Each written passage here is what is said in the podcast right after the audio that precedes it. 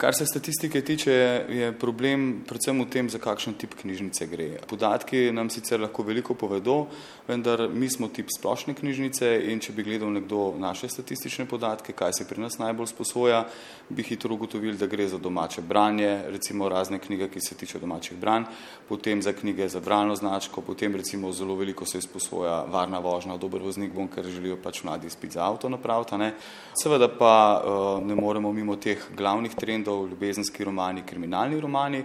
Če bi pa pogledali naprimer kakšno knjižnico, ki je specialna ali pa visokošolska, tam bi pa verjetno naleteli na čisto drugačno statistiko. Če pogledamo vašo statistiko, um, kaj se je najbolj bralo zadnja leta? Izstopale so nekatere knjige, kot je naprimer biografija Borisa Kavace, ki je napisala uh, Vesna Milek. Potem eh, lahko menimo tu roman avtorja Erosa z naslovom Psi. Zdaj v zadnjem času pa seveda prednjačijo recimo slovenski pisatelji, recimo Drago Jančar, ki je napisal eh, čudovito knjigo To noč sem jo videl, potem zadnje njegovo delo in ljubezen tudi.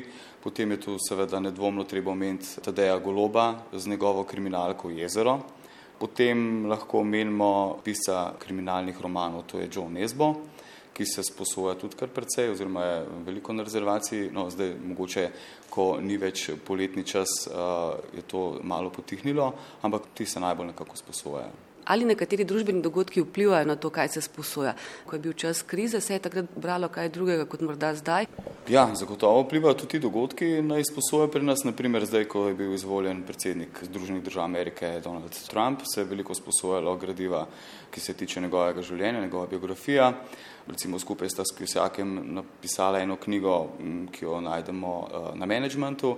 V času recesije, ko smo že omenili recesijo, ne, oziroma gospodarsko krizo, zanimivo je, da takrat se je veliko sposojalo, če greva zdaj na strokovni dele knjige na temo odkot recesija, globalizacija, potem se je pojavilo cel kup piscev, ki so jih seveda naši avtori uh, oziroma naši prevajalci uh, prevedali.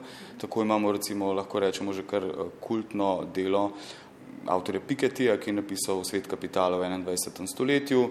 Posamezni dogodki zagotovo vplivajo na izposojo. Tukaj velja omeniti tudi Kresnikove nagrajence, Tokrat je bil seveda eh, Goran Vojnovič s svojim romanom Figa, eh, trenutno pa zdaj eh, ni najbolj sposojena knjiga Figa, ki je bila še poleti praktično nedosegljiva, ampak Jugoslavija moja država, naprimer, ne, ki jo je tudi napisal Goran Vojnovič. Dogodki so uh, pomemben pokazatelj tega, kaj se bo sposojalo, je pa treba nujno povedati tudi, da novinari uh, vplivate na to, ne, da se določena dela pa bolj sposojajo. Če jih mi omenimo, ne ljudi izvejo za to in si sposojajo. Naprimer, pred nekaj časa je bila vdaja o Fani Okič, In kar lep čas je pretekel, preden se je ta avtorica spet začela sposoditi in ker je bila oddaja o njej na televiziji, seveda so prišli potem že naslednji dan in praktično so vsa dela v dveh, treh dneh bila sposojena. Ne. Omenili ste mi kar nekaj slovenskih avtorjev, ampak verjetno še vedno so bolj brani tuji avtori in pa avtorice, ne? Ja, zdaj, če bi statistiko pogledali, prednjačijo tuji avtori, V zadnjem času pa moram zadovoljstvom povedati, da se tudi slovenski avtori vedno več sposojajo. Zdaj, čemu bi to pripisali, težko rečem, zagotovo je pa to tudi mogoče posledica tega, da se nekako v medijih, v dnevnem časopisju ti avtori mogoče več pojavljajo, tudi založbe so ugotovile, da podpiramo naše avtori pri tem, je pa zagotovo prednost seveda še vedno na strani tujih avtorjev, to pa, to pa tako je. Kaj pa avtorice? Avtorice. Ja, seveda, no, zdaj bom omenil eno avtorico, ki sem jo za nalaž spustil. To je Milena Miklavčič, Ogen Ritin Kačeja, ne, ki je bila, lahko rečemo, med top ten, kar se izposoje tiče. Bi pa zdaj na tem mestu omenil eno avtorico in sicer je to Elena Ferrante. To je avtorica, ki izdaja pod psevdonimom, ne vemo, kdo je ta ženska. Uh, napisala je tetralogijo, trenutno sta dve deli prevedeni, sicer genialna prijateljica in pa o novem priimku. In uh, če berete recimo uh, prispevek na Bukli, uh, ki govori o tej avtorci in njeni tetralogiji, ugotovimo, da je zajela Slovenijo prava ferantomanija. Ne? Je pa uh, mogoče še zanimivo omeniti eno avtorco, ki je napisala delo Zakaj se otroku polenti kuha, to je veterani uh, Aglaja, uh, v bistvu romska avtorica, ki je žal naredila samomor leta 2001 v Švici, kjer je tudi živela. Otroštvo je preživela v cirkusu in opisuje te svoje izkušnje, zelo kratki stavke, ampak bogati, nabiti, polni vsebine, tudi to doživljanje tega begunskega življenja, namreč bežali so pred uh, režimom Čaušeskuja, ki je takrat vladal v Romuniji. Um, ena taka zanimiva osebna izkušnja avtorice, ki pa mislim, da bo tudi kar precej sposojena pri nas. Ne.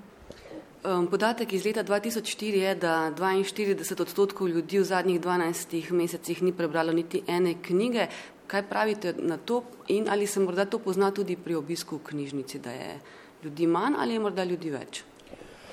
Kar se tiče obiska v knjižnici, uh, lahko rečemo, da statistika kaže, da obisk raste. Je pa res, da v današnjem času, ko je poplava različnih medijev, aparatur, mobilni telefoni, vem, računalniki, televizija, je res problem upad branja pri posameznem človeku.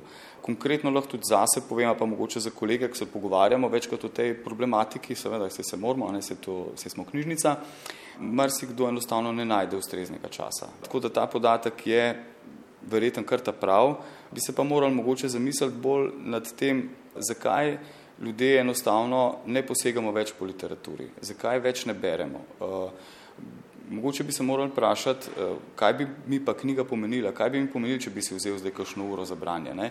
Se vzmakneš nek svoj notranji svet, vedno manj je tega. Ne? Vedno bolj okolica pritiska na nas z različnimi mediji in uh, ljudje bi se morali bolj zavedati tega, da se potrebno umakniti nek notranji svet in knjiga je idealno orodje, s pomočjo katerega to naredimo.